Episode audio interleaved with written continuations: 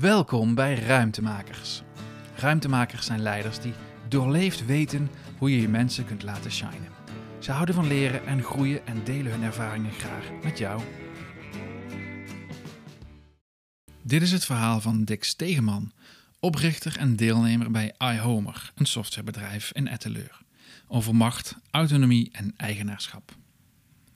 Yes, ze doen niet wat ik zeg. In de eerste tien jaar van deze eeuw was het hip om je af te vragen hoe Google het zou doen. Niet hoe ze het in bed zouden doen, nee, dat bedrijf stond bekend om de creativiteit en vrijheid die de mensen daar genoten. 25% van hun werktijd in eigen projecten werken. Een campus waar je kunt sporten, vol zitzakken en flipperkasten waar iedereen wil werken. Zo ging de hype. Nu, tien jaar later, is het onduidelijker wat er van die vrijheid is overgebleven en komen ze vooral in het nieuws om allerlei privacy, gedoetjes, miljardenwinsten, belastingontwijking of omdat er dingen juist niet lukken. Maar de zweem van hip, creatief, informeel, spelen en vrijheid hangt nog steeds om de internet- en techwereld. En dat brengt me uiteraard naar Etteleur.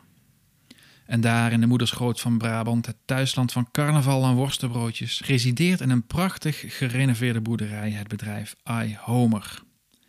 Wij maken software, zegt Dick Stegeman, want dat vinden we leuk. Hoe simpel wil je het hebben? Dick tikt de twee meter net niet aan en je zou kunnen zeggen dat hij worstenbroodjes erg lekker vindt als je zijn imposante voorkomen zo ziet. Hij draagt een geruite blouse, spijkerbroek, niks geks. Hij stottert soms een beetje en praat met zachte, bescheiden stem. Een paar glimmende Tesla's voor de deur verraden dat het heel goed gaat met het bedrijf. Dick's voorkomen botst hier meteen al frontaal met het beeld van de hippe techwereld. En zijn kantoor ook. Er zijn wel plekken die je als werkplek zou kunnen betitelen, maar het voelt meer als iemands thuis. Weinig technische snufjes die je wellicht bij een softwarebedrijf zou verwachten. Geen flipperkasten of zitzakken. Meer alsof je bij je gezellige, moderne en enigszins hippe tante met smaak en goed budget op bezoek gaat. Wat een mooi bedrijf heb je, Dick, zeg ik. Nee, iedereen is hier eigenaar en niemand is de baas, antwoordt hij. Oh, ja? Is dat zo?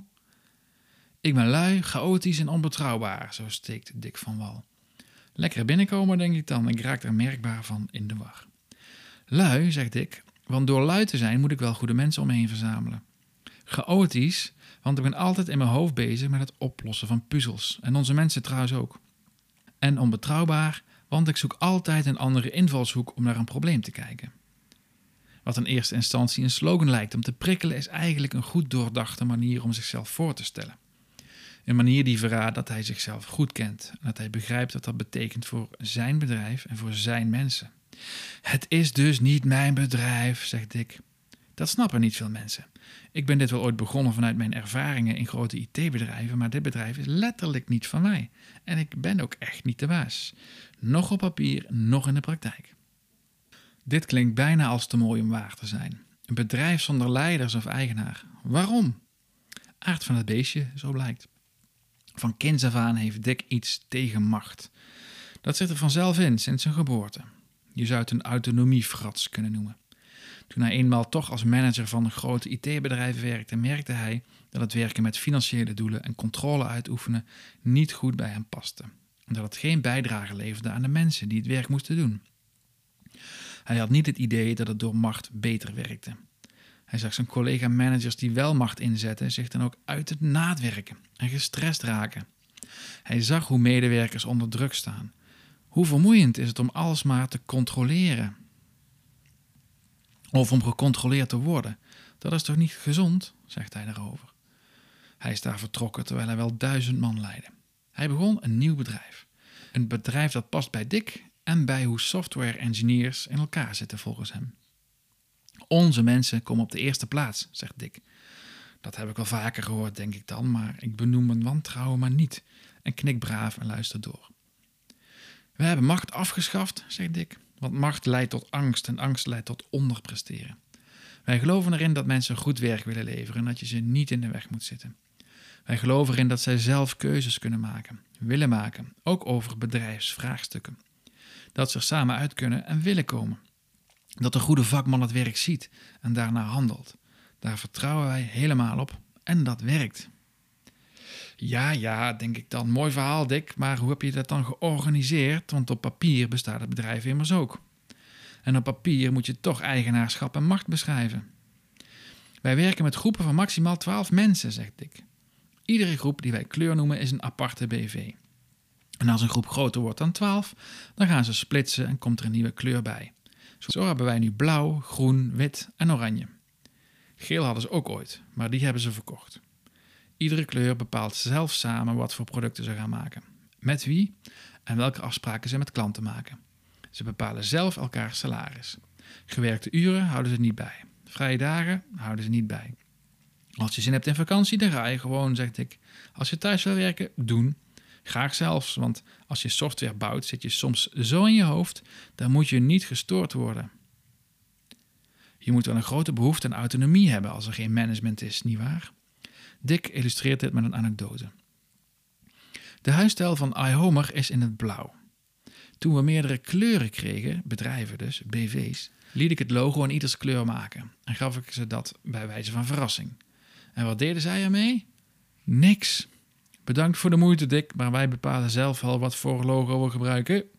Waar sommige mensen teleurgesteld of zelfs boos van kunnen worden, daar glundert Dick vol trots over zoveel ongehoorzaamheid.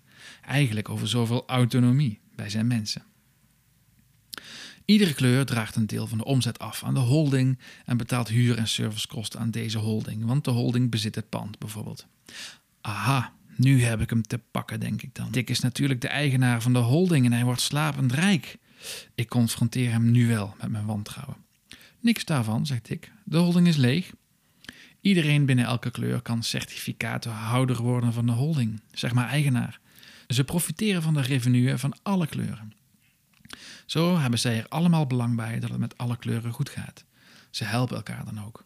Er is niemand die meer geld krijgt of zelf maar wil dan hem toekomt. Dick zegt: Ik denk dat dat komt omdat ze hier helemaal een eigen ding kunnen doen.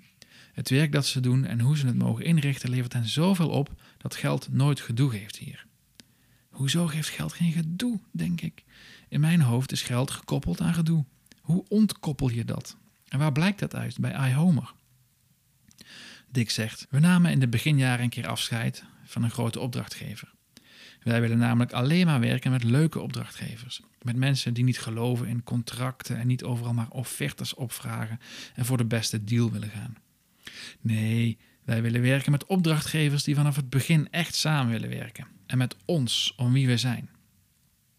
Dat bleek dus een keer niet meer goed te matchen met een grote klant. Het was zwaar om te beslissen, maar iedereen voelde dat het niet meer klopte. En ze hebben de samenwerking beëindigd. Ook al was er veel werk en dus geld meer gemoeid, het was een enorme opluchting om ermee te stoppen. Ze hadden niet meteen een oplossing voor het ontstane financiële gat. En daar kon Dick toen wel wakker van liggen. Hij zegt daarover: En wat deden de jongens toen? Gewoon een rondje maken. Heb jij deze maand geld nodig? Ja, hoeveel? En jij? Nee, kun je wat missen? En binnen vijf minuten waren ze eruit. Ze gunnen elkaar wat ze nodig hebben en samen laten ze het bedrijf leven. Echt als een trouwe vriendengroep. En toen wist ik, dit model werkt. En ik maak het nu iedere dag mee, besluit Dick. Drommels! Ik krijg maar geen gat geschoten in het verhaal van Dick. Zou deze utopie dan toch geen utopie zijn, maar toch echt kunnen in het hier en in het nu? Ik zie, nu ik hier ben, ook alleen maar relaxte mensen aan het werk. Vrolijk. Er is hier geen stress of druk te bekennen. Zouden Dick en het bedrijf iHomer het gouden ei hebben uitgevonden? Op mensen centraal bedrijfsvoeren? Hebben ze dan ook geen verkopers of zo met targets? Onze software engineers, zegt Dick, gaan zelf het verhaal vertellen. Ze geven presentaties over wat ze gemaakt hebben en over hoe wij werken. Het klinkt een beetje gek als je de klant niet op één zet, maar je eigen mensen, zegt Dick. Maar iedere klant wil met de beste mensen werken die optimaal presteren. Zij snappen dat dat voor hen ook het beste is. En dat is wat iHomer biedt: de beste omgeving voor de mensen die het werk moeten doen, waardoor de beste en leukste engineers bij iHomer willen werken. We doen niet aan vacatures. Nee, die mensen vinden ons, zegt Dick.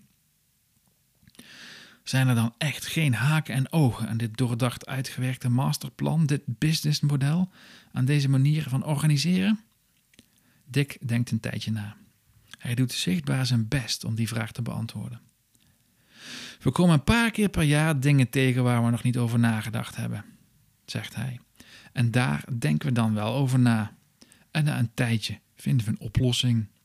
We hebben geen haast, hè? Dat scheelt. Wil je meer verhalen, ideeën of de diepte in? Koop dan het boek Maak ruimte en laat je mensen shinen op julesmartin.nl. Dat is mijn website. Of word lid van een ruimtemakersgroep bij jou in de buurt. Kijk daarvoor op ruimtemakers met Wees welkom.